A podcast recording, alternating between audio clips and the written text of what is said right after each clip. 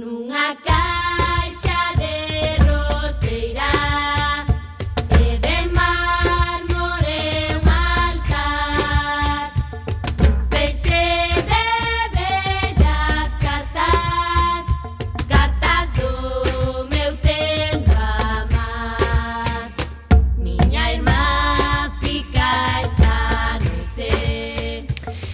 Moi boas tardes, benvidas e benvidos a este recendo, este recendo de martes de Xamaín que xa sabedes, eh, un, un programa especial, digamos, deste programa radiofónico dedicado á cultura que facemos en rigurosísimo directo todos os martes a 7 da tarde aquí en Coac FM no 103.4, a que é a Radio Comunitaria da Coruña.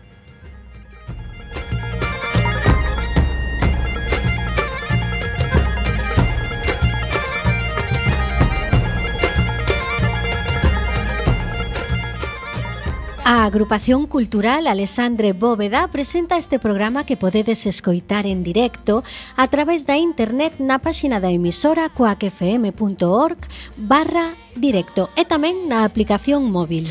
E, como sempre vos decimos, se non chegastes a tempo, te, eh, non tendes excusa, non hai excusa que nos sirva, porque podedes descargar todos os programas xa emitidos no Radioco, que é o servicio de podcast da nosa emisora. Tamén podedes escoitarnos na redifusión, que será os mércores ás 8 da mañá, os venres ás 4 da tarde e na madrugada do domingo ao luns ás 12 da noite. E a partir de agora seguídenos nas redes sociais tanto deste programa recendo como da propia agrupación cultural Alexandre Bóveda, que teñen abertas as súas canles en Instagram, Twitter e Facebook ou na web www.acealexandrebóveda.gal.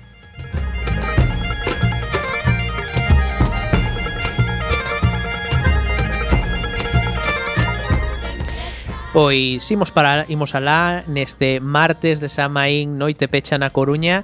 Na procura desta fantástica aventura cultural o está con nos con o eh, control técnico Roberto Catoira. E aquí falando Cual Manteira no estudio José Couso está Diana López. E Miguel Anxo Facal na locución. Sempre estar con meu amado. Sempre estar con meu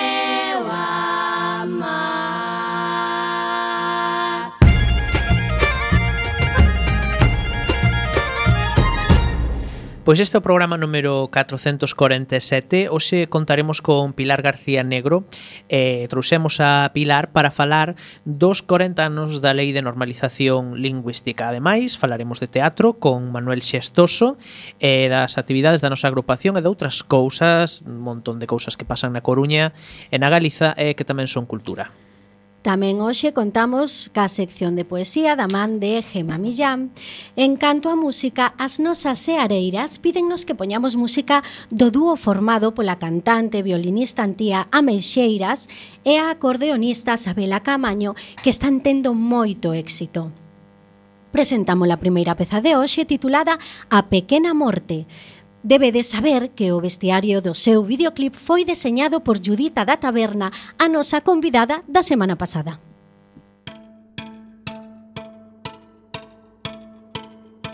Si queres que te queira, cántame un mirar. Si queres que te queira, cántame un mirar. Encende a pela noite, termame puñal. Encende a pela noite, termame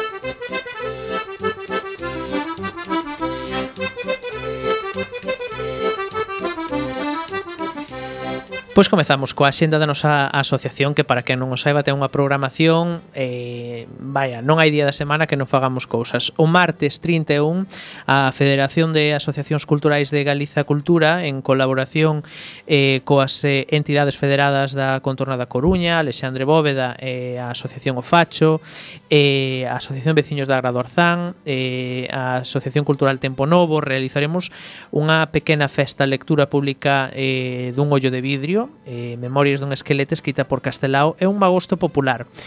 Está todo o mundo invitado, convidado, pode vir eh, celebrar con nos cosa maín, haberá ali algúns recendeiros tamén, por se queredes achegarvos, a sete e media no Paraninfo da Reitoría da UDC.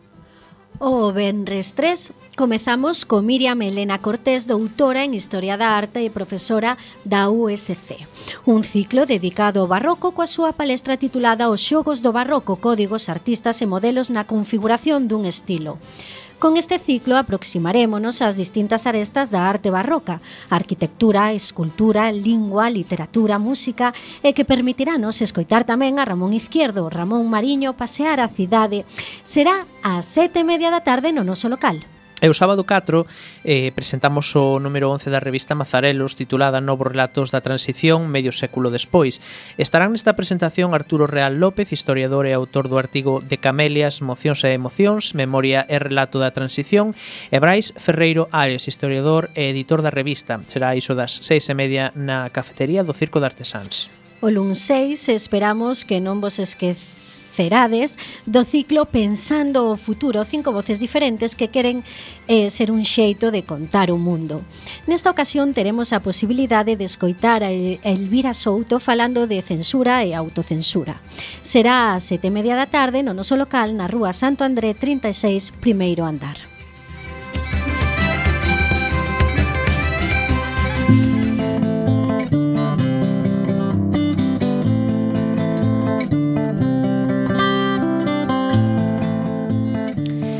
Momento agora para a xenda da, Col da Coruña. Comezamos polo eido audiovisual. A Asociación de Veciños de Oza Gaiteira Os Castros Volve co seu ciclo Cine de Barrio. A directora Manen Rodríguez analiza no seu documental Onde máis doe O caso do asesinato dun neno en Oza Un feito espantoso de violencia vicaria Que o pai cometeu para vingarse da nai Facendo precisamente onde máis doe. Será o lunes 6 a 7 media Nos cines do Foro Metropolitano. A entrada é de balde. En canto ás artes escénicas, no ano 2023 conmemórase o 300 aniversario das catro estacións de Vivaldi e a compañía Compostelá Monicreques de Cucas faino coa obra Viva Vivaldi. Será o sábado 4 a 6 da tarde no Fórum Metropolitano. Eh, non éramos conscientes do ben que podían maridar o circo, o humor e o flamenco. A compañía Chicharrón Circo Flamenco presenta a súa obra Sin Ojana, que significa sen mentiras, sen hipocresía. Será o sábado 4 ás 8 no Ágora. A obra Ceos, dirixida por Sergio Pérez Mencheta, pecha a tetraloxía titulada O sangue das promesas, xunto con incendios, litoral e bosques. Todas elas cun punto en común, a traxedia que arrasa a humanidade. Podedes vela o Benrestrés o sábado 4 ás 8 e media no Teatro Rosalía de Castro. E tamén nos seguen a visitar compañías asturianas de teatro infantil, esta vez é a quenda de Isiénico Papel Teatro coa sobra obra Viaxe de Covaletti, unha aventura inspirada na literatura de viaxes que anima a lectura. Será o domingo 5 no Teatro Andamio con sesións ás ás 12:30 e ás 6 da tarde e agora toca a quenda da música. Durante todo o mes de novembro poderemos disfrutar na nosa cidade do festival, o Festival das Artes Inclusivas. Comeza co concerto titulado Música baixo as estrelas, gala protagonizada polos artistas de rúa que actúan na nosa cidade. Será o mércores 1 a 7 da tarde no Teatro Colón con entrada de balde. Sisters in the House celebra os seus 15 anos cun concerto especial no que contarán coa colaboración de Guadi Galego, o Suso Fernández e bailaríns de Nova Galega de Danza tamén estarán acompañadas dunha banda formada por guitarra, baixo e batería que se sumarán ao piano da súa directora e arranxista Carmen Rey. Será o sábado 4 ás 8:30 no Teatro Colón. A banda municipal da Coruña comeza a súa tempada sinfónica cun atractivo cartel onde centra o programa nunha obra icónica do século XX, O amor bruxo de Manuel de Falla Falla, interpretada pola cantaora Sandra Calderón. A banda estará dirixida por Juan Miguel Romero Llopis con Xocas Mejide de solista. Será o domingo 5 ás 12 cuarto no Teatro Colón. Ro Pascu e Rodri reinterpretan en forma de parodia audiovisual as historias e contos máis populares baixo o nome de Destripando a Historia, unha serie de vídeos musicais que explica a orixe de personaxes tan populares como a Cincenta, a Bela e a Besta ou Hércules, entre moitos outros. Será o Benres 3 ás 9 na Sala Pelícano. Aínda estivo actuando na nosa cidade en verán, pero semella que a Jour Crepúsculo lle gusta moito a Coruña, que xa está de volta coa súa xira Trovador Tecno. Estará o sábado 4 ás 11 e media da noite no Inclub. Club. E se sacades un anaquiño para as posicións, sabede que leva case un mes, pero vai rematar a siña, así que non perdades de vivir a experiencia de Symphony, a última montaxe do director venezolano Gustavo Dudamel. Poderedes gozar dunha experiencia inmersiva cunha duración duns 40 minutos que comeza coa proxección dunha película panorámica e segue cun salto á realidade virtual que permite un visionado en 360 graus da Mahler Chamber Orchestra gravada no Teatro Liceo de Barcelona. Estará nos xardíns de Méndez Núñez ata o martes 7.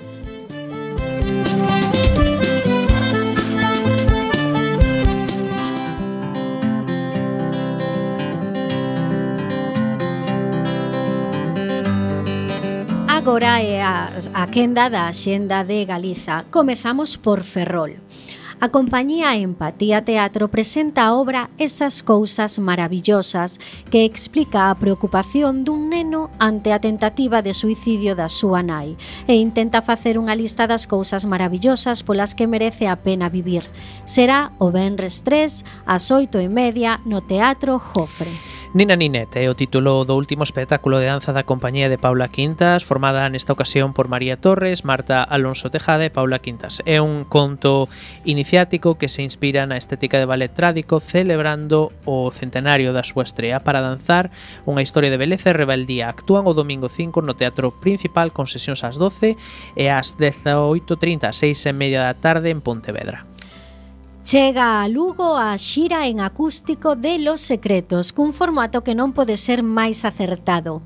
As guitarras acústicas de Álvaro Urquijo, Ramón Arroyo e Chechu Altuve e o baixo de Juanjo Ramos súmanse Jesús Redondo ante un piano acústico e Santi Fernández cun caixón tocan o Benres 3 ás nove e media da tarde no Auditorio Municipal Gustavo Freire. Pablo, un antropólogo forense especializado en xacementos paleolíticos, sofreu un ictus que lle provoca unha amnesia severa. Asistimos a procura, a unha procura pola súa memoria para recuperar os seus recordos, en definitiva, a súa identidade. Diso trata Búho, a última obra de Tiziana Teatre. Podedes vela o domingo 5 a 7 da tarde no Teatro Principal de Ourense. En Santiago, Costa é un músico xa con extensa traxectoria dende comezos deste século que sempre estivo en torno ao rap e ao hardcore. Podedes velo este sábado 4 ás 9 e media da tarde na Sala Malatesta. En Vigo, a Biblioteca Imaginaria un espectáculo de lectura e monicreques que eh, ten o objetivo principal de transmitir aos nenos e nenas o placer da lectura e presentar as bibliotecas como lugares cheos de masia onde cada libro é un pequeno e maravilloso tesouro. Podedes verlo o sábado 4 e o domingo 5 na Sala Ártica, sempre ás 6 da tarde. E como vila convidada, hoxe viaxamos a Tui. O grupo de música infantil Uxía Lambona e a banda Molona recolle os clásicos populares galegos dándolle o seu toque particular. Desde a Carolina rapeada ata o jato roqueiro, actúan o venres 3 a 7 da tarde no Teatro Municipal.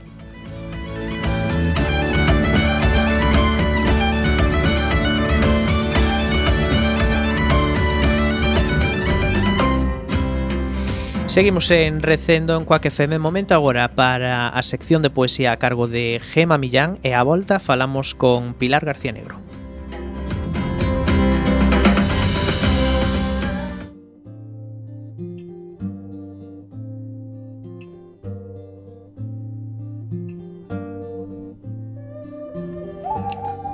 Caen e roldan as follas arredor da auga Como se fora o seu dicir, chorade.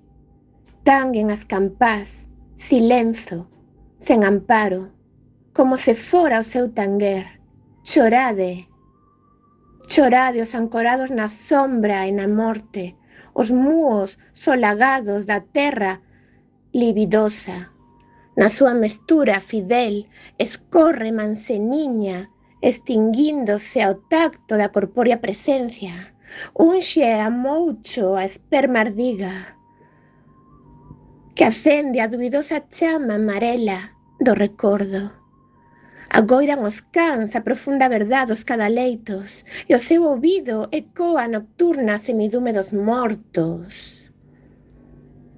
Agora o vento recende a flores murchas, a coroas de mirto que desfixo o tempo e a palpo noutra luz do desamparo, altas verbas xeadas do agoiro derradeiro, no intre inexpresable. Náusea cristalina ensomecendo a fronte e esa podredume que flúe nun leitoso carreiriño de vermes, eses abandonados ás poutas da terra, que estiveron a rente da luz que alumas noites, tornas traspasando os muros, corpos deshabitados na orfa culpa da terra e buscan docemente a cubillo ao desamparo. Quen chama nos cristais da fiestra con ademán escuro extrañable? Esa voz de ningures, quen ten de dir? Pasou un anxo, un anxo, e o silencio ceifa un cambelo de anxo e a alma ten callada unha pinga de sangue do anxo que pasou. Do anxo que xeou a miña entraña, coa súa ollada doce desde a tebra. E un roncel de tebra anguriante o paso do anxo. E a dor dos mortos ensumíndose na sombra ardente da tebra. E a morte, Señor, que ancorou na miña entraña, na entraña do neno que se fai na placenta, envolto en panos de sangue, alumiñado na tebra. As sombras choran, as sombras din chorade, cheos de horror e loito, os ancorados da vida na morte eternamente. Quen agora non tente para os seus pés baixo do mundo, longas filas de morte horizontable negará para sempre. O que chama é silencio.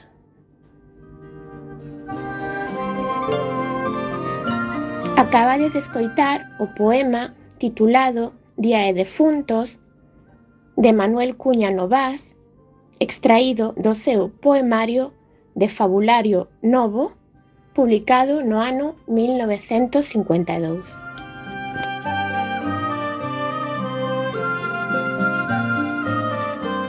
Segues na compañía de Recendo, programa da Asociación Cultural Alexandre Bóveda, a Bóveda, e esta tarde dedicamos o programa ao maior valor co que conta a cultura galega que non é outro que a nosa lingua. Este ano cumpríronse 40 anos da aprobación da Lei de Normalización Lingüística. A todas luces, a existencia da propia Lei de Normalización foi unha boa noticia para o galego. A lei permitiu a incorporación de pleno do galego en ámbitos que ata ese momento non se coñecía. Falamos do uso do galego na educación, na sanidade, nos medios de comunicación e en calquera calquera administración. Do mesmo xeito puido eh, puxo os alicerces eh, para irse creando pois xeracións que ademais de ser competentes no uso do galego tanto escrito como oral, tomaron conciencia da importancia de conservar e cultivar a nosa propia lingua. Tamén temos que valorar positivamente a lei porque axudou ao galego a, cadica, a, a cadar prestixio no ámbito da creación cultural, seguramente o eido no que máis logros acadou a lei de normalización lingüística. Aínda así, nestes 40 anos non todo foron éxitos para a lei. Ano tras ano, o galego sigue perdendo falantes, se ben é certo que tamén é debido a nosa baixa tasa de nacementos. Non só este factor é o culpable. A Lei de Normalización Lingüística deixaba moitas portas abertas para o galego, mas precisaba de vontade política para que o galego puidese aproveitar esas portas abertas. Son moitas as voces que apuntan a esta falta de vontade política como a causa de que, por exemplo, non podamos ir aos cines a ver o éxito da tempada na nosa lingua ou que o galego sexa a clase inexistente nas novas tecnoloxías ou no eido dos negocios para falar do aniversario da Lei de Normalización, dos seus sucesos e dos seus fracasos, Temos hoxe connosco a filóloga Pilar García Negro. Moi boas tardes, Pilar. Moi boas tardes. Un placer de novo partillar uns minutos coa audiencia de, desta emisora eh, deste programa en concreto. Un saúdo moi cordial. Moi cordial o prazer é noso. Eh, vouche pedir unha valoración persoal de cando se aprobou a lei e eh, ese sentir xeral arredor desa aprobación. Realmente mm, debo facer a, a respecto da introdución varias matizacións Eh, importante o movimento pro galego tamén dentro do ensino, isto é, o uso vehicular da lingua galega para materias como matemáticas, economía na universidade, historia, eh, mesmo lingua e literatura eh, española, química. Iso existiu moito antes, en anos significativos, da aprobación da Lei de Normalización Lingüística porque desde 1974, na clandestinidade, con posterioridade xa legal, existía eh, un sindicato chamado Unión de Traballadores do Ensino de Galiza, cuxos membros se propuxeron pola vía práctica non a defensa teórica do galego, nen o seu cultivo literario, senón o seu uso pragmático directo, insisto, como lingua vehicular do ensino. Con isto quero esclarecer que a Lei de Normalización Lingüística elaborada e promulgada na primeira legislatura autonómica galega, nace porque existe esta presenza, este movimento eh, eh, anterior e, por tanto, non é en absoluto froito de ningunha decisión eh, superlativamente instalada nunha superioridade favorável ao galego en, en absoluto. A partir de aquí, compre lembrar tamén que a Lei de Normalización Lingüística, como unha lei autonómica galega, está suxeita ao Estatuto a letra legal do Estatuto de Autonomía aprobado e promulgado en, mil, en aprobado en 1980 e eh, promulgado como Lei Orgánica do Estado en 1981. E por súa volta, o Estatuto de Autonomía Galego é fillo directo ou ten que encaixar a forza na Constitución. E a Constitución, como veremos, promulgada en 1978, impón unhas condicións leoninas, isto é, unhas condicións absolutamente lesivas, absolutamente perxudiciais para a existencia normal da lingua galega. Hmm. Este é o percurso legal que compre termos en conta, porque senón eh, aparece a lei de normalización como un froito maravilloso cando non é así. Despois falaremos xa das súas eivas conxénitas como lei, como legislación autonómica. Recordo tamén unha vez que Alexandre Bóveda fixo unha charla co presidente da mm, Mesa pola Normalización, estabas ti tamén, creo, e ali comentouse, pois, por exemplo, que a lei eh, de normalización mmm, tivo que ser modificada a instancias do... non sei se é certo, se estou lembrando mal, pero tivo que ser modificada a instancias do Tribunal Constitucional, pode ser? Exactamente, sí. Con todo e con iso, ser unha lei eh, adaptada a este percurso que antes eh, citei. Eh, aconteceu o seguinte. A Constitución Española mm, establece unha prescripción absolutamente totalitaria cando determina que todos os españois deben coñecer, deben coñecer a lingua eh, oficial do Estado, o español, e todos teñen o dereito de usala. A partir de aí di que se recoñecerán tamén como linguas oficiais as diferentes eh, autonómicas. Está claro que o primeiro eh, artigo invalida o segundo. A primitiva redacción da Lei de Normalización Lingüística eh, Galega a imitación dese preceito constitucional Tamén escreveu, tamén redixiu o artigo nestes termos. Os galegos teñen o deber de coñecer o galego e o dereito de usalo.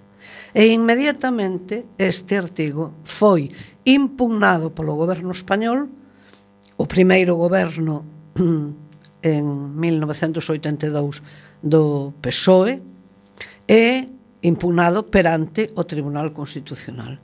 E o Tribunal Constitucional dita sentenza en 1986, tamén foran impugnadas a lei vasca e a lei catalá, en no sentido, a sentenza de eh, eliminar este principio de eliminar esta referencia cocal a lei de normalización lingüística aínda ficaba máis devaluada.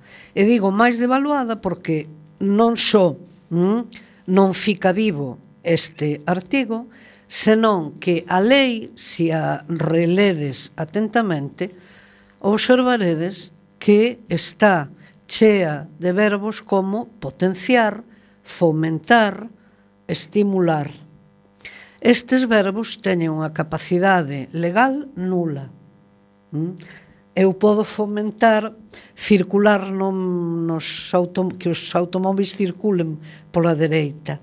Mm? Co cal a cacharrada sería absolutamente inmensa. Que quero indicar con isto que unha lei debe ser prescriptiva.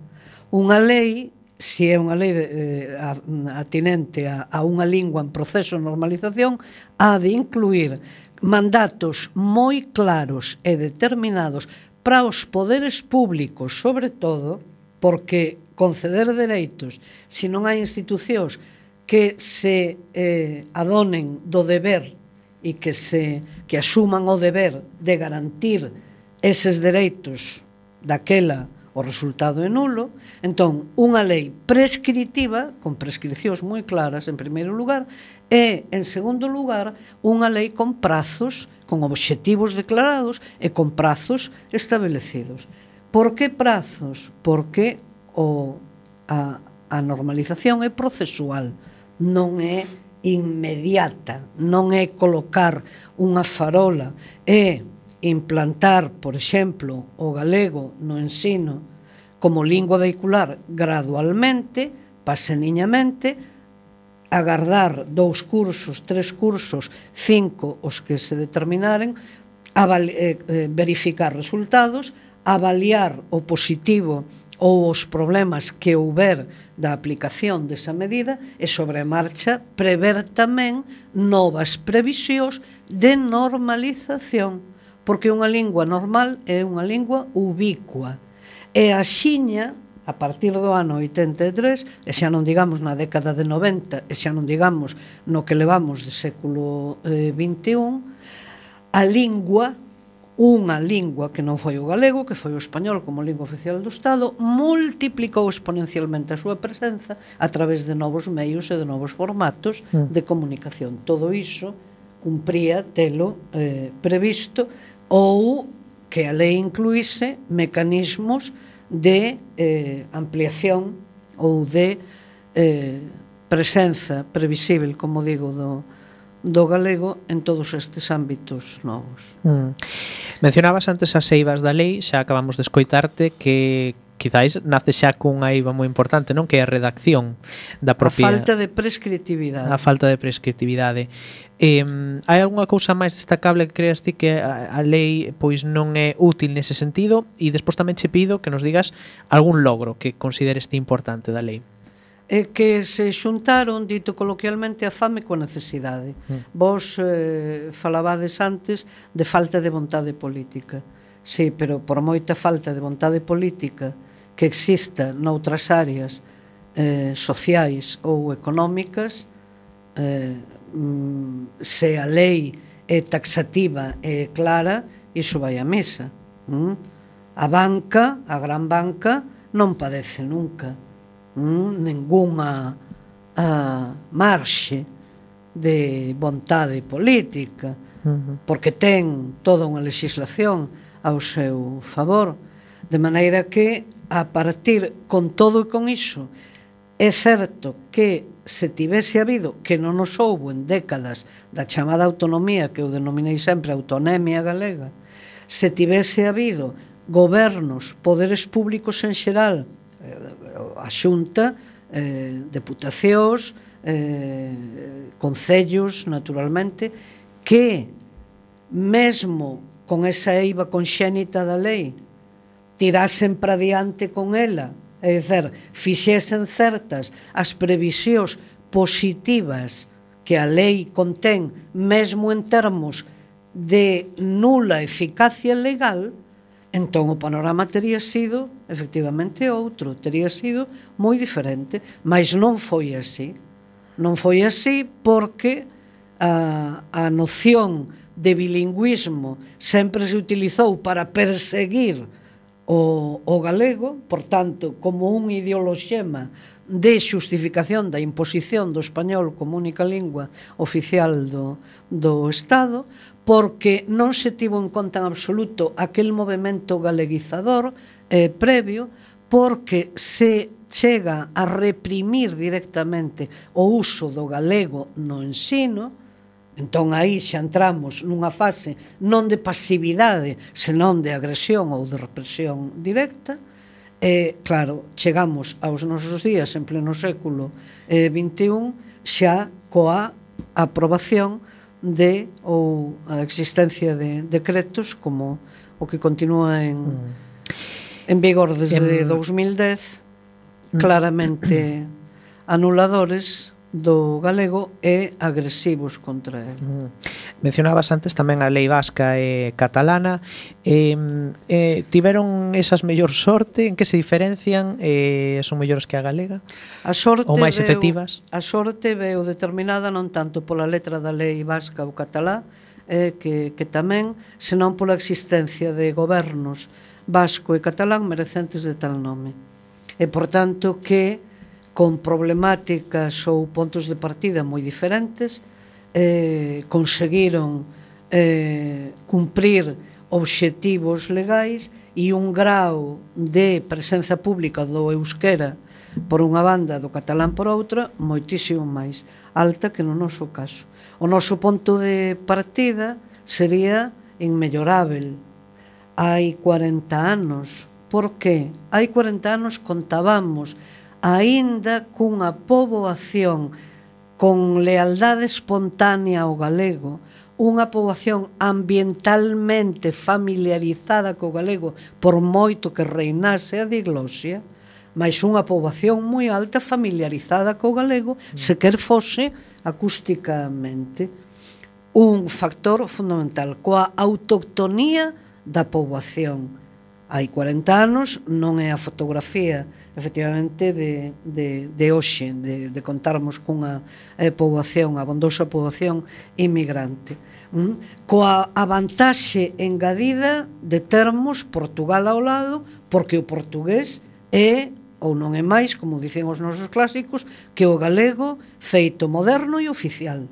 É dicer, o portugués nace naturalmente do históricamente do, do propio galego, máis tivo un Estado mm, ao seu servizo e conseguiu a oficialidade plena.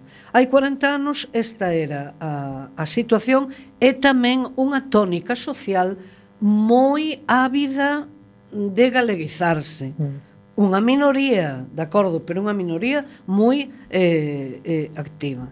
Nada disto se tivo en conta, Entón, os anos non pasan en balde, e estamos falando non de anos, senón de eh, décadas. Desatendéronse no Parlamento Galego todas as iniciativas reiteradas que houbo a cargo do nacionalismo galego, e sei do que falo, porque son autora directa e ah. redactora material directa de, de, de moitas eh, delas, a respeito de, efectivamente, facer certa ou acompasar a teoría e a práctica. A teoría informa o mesmo preámbulo da lei de que o idioma é un elemento central na definición de Galiza e da identidade galega, etc. Moi ben, pois poñámolo en práctica. E entón todo foi moitísimo máis custoso. Mm. En Cataluña había xa unha fotografía social moi diferente mm, e toda unha uh, ansia nas mesmas institucións e fundamentalmente nos 23 anos de goberno de presididos por Pujol de un labor moi moi eficaz e moi efectivo de catalanización e de integración de toda a poboación inmigrante que xa daquela en Cataluña era moi alta. E no País Vasco, coa dificultade engadida de unha inmersión de moitas horas nun idioma totalmente distante do eh, xenéticamente e tipolóxicamente do outro idioma, do mm. español. Mm. mm de maneira que o noso caso é eh, mm, por esta vía máis doloroso porque se puido ter feito eh, de unha forma radicalmente diferente ou antagónica do que se fixo durante todas estas décadas e hoxe estamos pagando as, as consecuencias. Por mm. iso dicía coloquialmente que se xuntaron a fame e a, e a necesidade. Entón temos unha realidade que é esa perda de falantes. E Entón aquí eh, teño que hai moitas voces, non? Que son as que sinalan que os gobernos de Feijó eh, son como eses responsáveis da perda deses falantes. Cales foron as peores decisións a perda, da Xunta? A perda progresiva de, de falantes non pode ser atribuída de forma causal unívoca a unha lei. Nen sequer a unha acción de goberno, por moito que ambas inflúan. Da lei xa dixemos que se non é prescriptiva vale de moi pouco ou non val de nada. Mm? Eh, da acción de goberno se non só é pasiva ou directamente adoradora da oficialidade única do español, Si pola vía práctica de entrevistas en prensa, en prensa escrita, en prensa radial, televisiva, as conselleiras, os conselleiros, directoras, directores xeral, se expresan habitualmente en español. Se, en lugar de promover a existencia normal do galego paulatina no ensino como lingua vehicular, o que se fai é perseguilo, e o que se fai mesmo é declarar ilegal que en determinadas materias sexan eh, impartidas en galego e esta é a situación actual. Se engadimos logo a todo isto o aumento exponencial da necesariedade do inglés e da globalización, isto é, a idea de meter, sobre todo na xente nova, que non somos seres nacionais, que non temos patria definida, que somos mm, semovientes de calquer lugar do mundo. Isto é o que lle convén ás grandes multinacionais. Vostede é galego ou galega e vive na Coruña e quere viver na Coruña, pero eu preciso a súa forza de traballo en Hong Kong.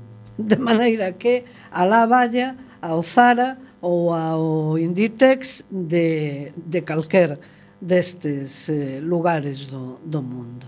Entón, todo iso Claro, se non hai unha forte acción positiva normalizadora de encariñar a xente co propio idioma, de, de campañas consecutivas, de que a radio e a televisión galega operen como factorías de galeguización. Mm. E non só no fan, senón en moitos casos na dirección contraria, na dirección de compracerense masoquistamente na caricatura do galego, e na castrapada toda. Ben, entón, toda esta suma de factores a, a, en que se engaden a non aplicación da lei eh, máis que para eh, reprimir ou para deixala como papel eh, eh, mollado eh, son as que, os que explican efectivamente que eh, mm. que, que ese, esa, ese proceso de asimilación ao español eh, medrase. Estamos falando en Recendo con Pilar García Negro, quedanos nada, contigo uns cinco minutiños, Pilar. E eh, onte eh, coincidimos tamén a Alexandre Bóveda nunha charla tamén co eh, sobre Nos Diario, que está celebrando os mil números editados, non?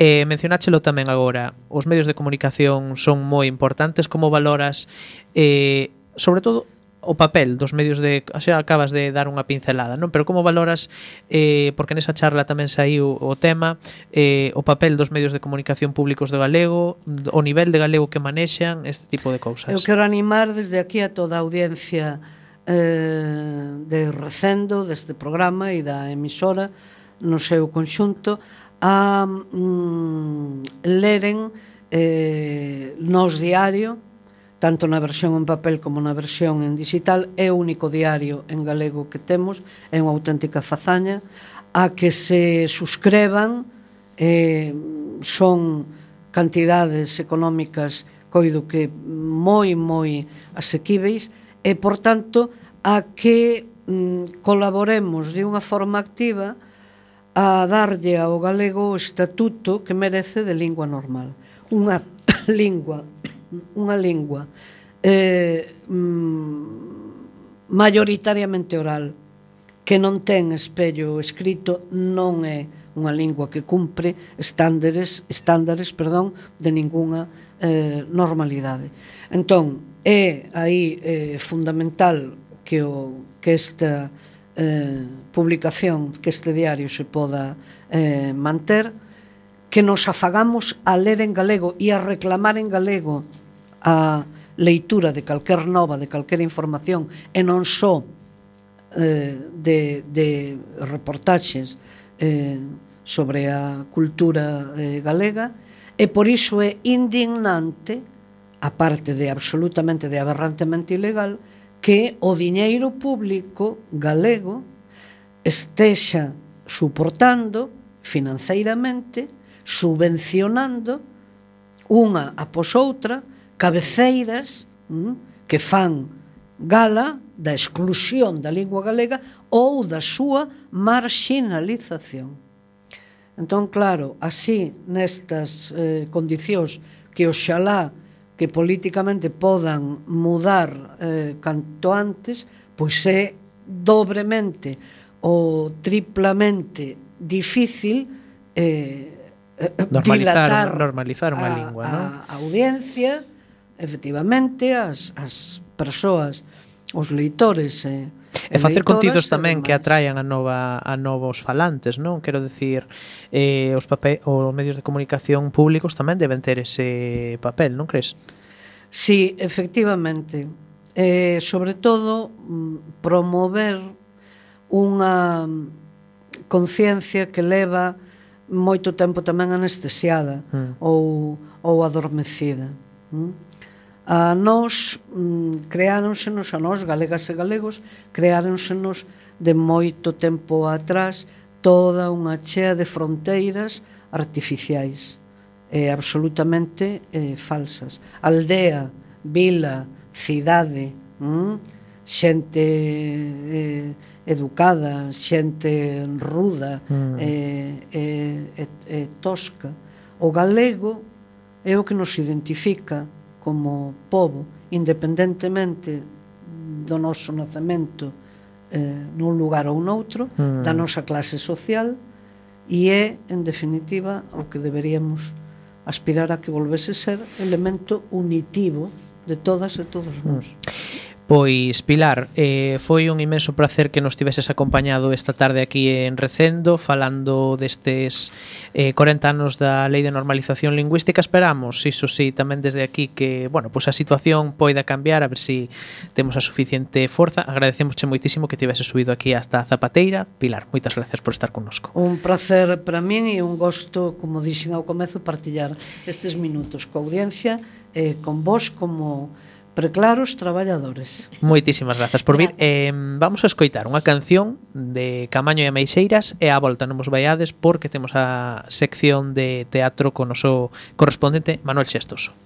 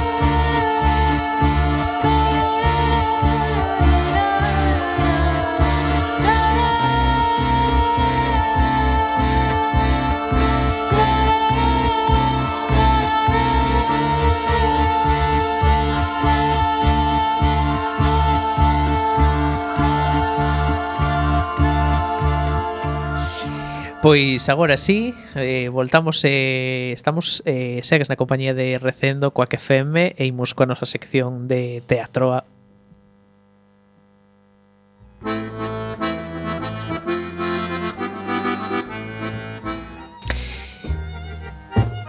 que non quería entrar a sintonía. Aí temos a sintonía da sección de teatro. Manuel Xestoso, moi boa tarde. Ola, moi boa tarde, como estades? Estamos hoxe eh, pois un pouco apurados, cascaleta medio desfeita que estivemos con eh, Pilar García Negro falando dos últimos 40 anos da Lei de Normalización Lingüística, na que por certo o teatro e as artes tamén teñen moito que ver. Tamén teñen moito que ver. Eh, eu hoxe quería falarvos máis que de normalización lingüística de outra normalización, da que o teatro sempre anda detrás, que é a normalización das relacións e da circulación do teatro entre a Galiza e Portugal. Eh, hai pouco, eh, a capital do teatro galego foi Coimbra. Ali, mm, bueno, celebrouse unha mostra de teatro moi amplia eh, na que ademais de haber oito espectáculos, entre eles a adaptación do Porco de Pé que fixo Kiko Cadaval, ou as cigarreiras de Cándido Pazó, ou mm, non sei, a adaptación dos arroianos de Ferrín que fixo Sarabela, así hasta hasta oito espectáculos, pois aí houbo tamén eh, bueno, pues exposicións de libros, houbo presentacións, masterclass, en fin.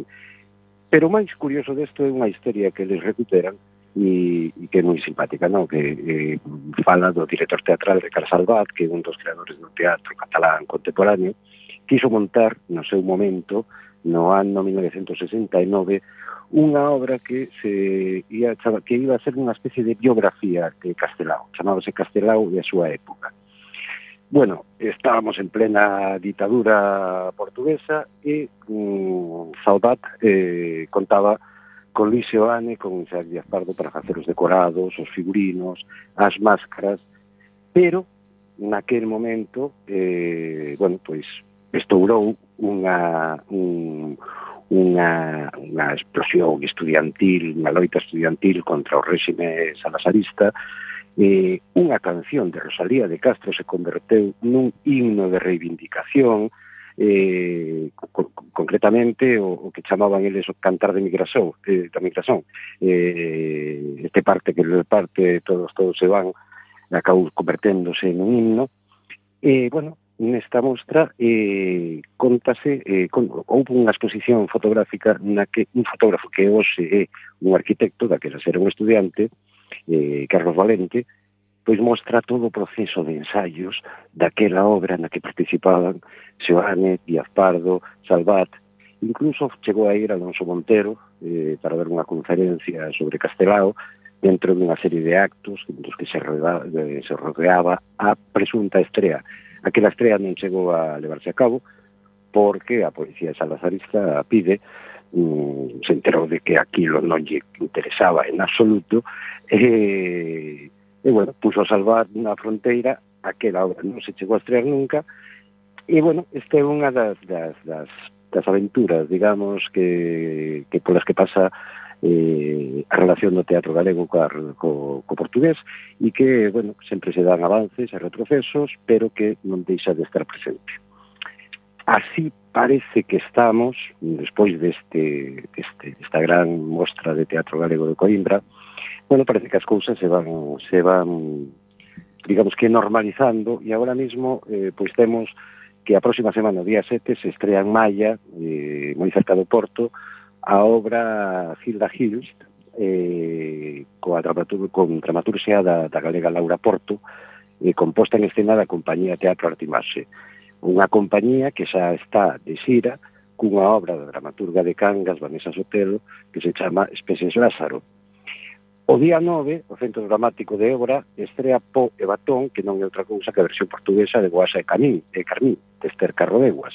E o día 10 estrea en Viana do Castelo eh, Manuela Rey Sinta House, que conta eh, a historia dunha actriz eh, dunha actriz de Mondoñedo que no século XIX chegou a converterse nunha estrela da, da escena portuguesa. Mm. Eh, bueno, o teatro galego, ata onde sabemos, empeza co entre famoso da pesca no río Miño, eh, esa normalización eh, entre as dúas escenas parece que vai por bo camiño. Mm, creo que deberíamos estar atentos ao que sucede no país veciño, na outra beira do Miño, eh, e tratar de que isto siga funcionando pois cruzamos os dedos e, eh, e estamos pendentes porque estaría moi ben pois ver obras quizáis nos teatros galegos da escena portuguesa, non crees? Aí estamos, eh, normalmente sempre hai ese desequilibrio. Eles teñen unhas estructuras moi potentes e son capaces de pitarnos a nós pero nós mm, somos bastante máis frágiles e non hai demasiado apoio institucional e eso impide que haxa unha correspondencia, bueno, mm, que os espectáculos eh, portugueses logren estar aquí, que logra haber residencias de, de, de autores ou, ou de compañías portuguesas, pero bueno, pouco a pouco temos que ir construindo temos que ir construindo as condicións para que iso para que iso ocurra sen apoio institucional mal o vemos, pero mm, levamos así moitos anos e haberá que seguir insistindo. Pois un placer, Manuel, escoitarte esa xenda teatreira moi interesante. Eh, vémonos ata a pois. próxima pois, sección. Efectivamente, cando queirades. Unha aperta, Manuel. Venga, unha aperta. Mm. E sen tempo para máis odiseas imos chegando a fin do camiño deste recendo. Despedimos o programa de hoxe agradecendo os nosos convidados que, como sempre, son de honra. Pilar García Negro e Manuel Xestoso.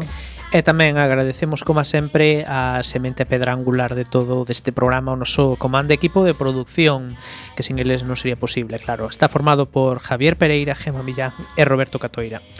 E aquí estivemos Roberto Catoira nos controis e coa alento no micrófono Miguel Anxo Facal. E Diana López. Non me deixaron seguir. Acompañándote neste recendo de palabras e de imaxes radiofónicas que nos traen este aroma cantado na nosa lingua hoxe día de Samaín e que nos permite tamén eh, no futuro a permanencia da palabra, da música e da implicación e o compromiso coa nosa nación a Galiza até o vindeiro martes a 7 da tarde en directo nesta emisora coa que FM da Coruña. Xa sabedes, recendo as mil primaveras que terá o noso idioma.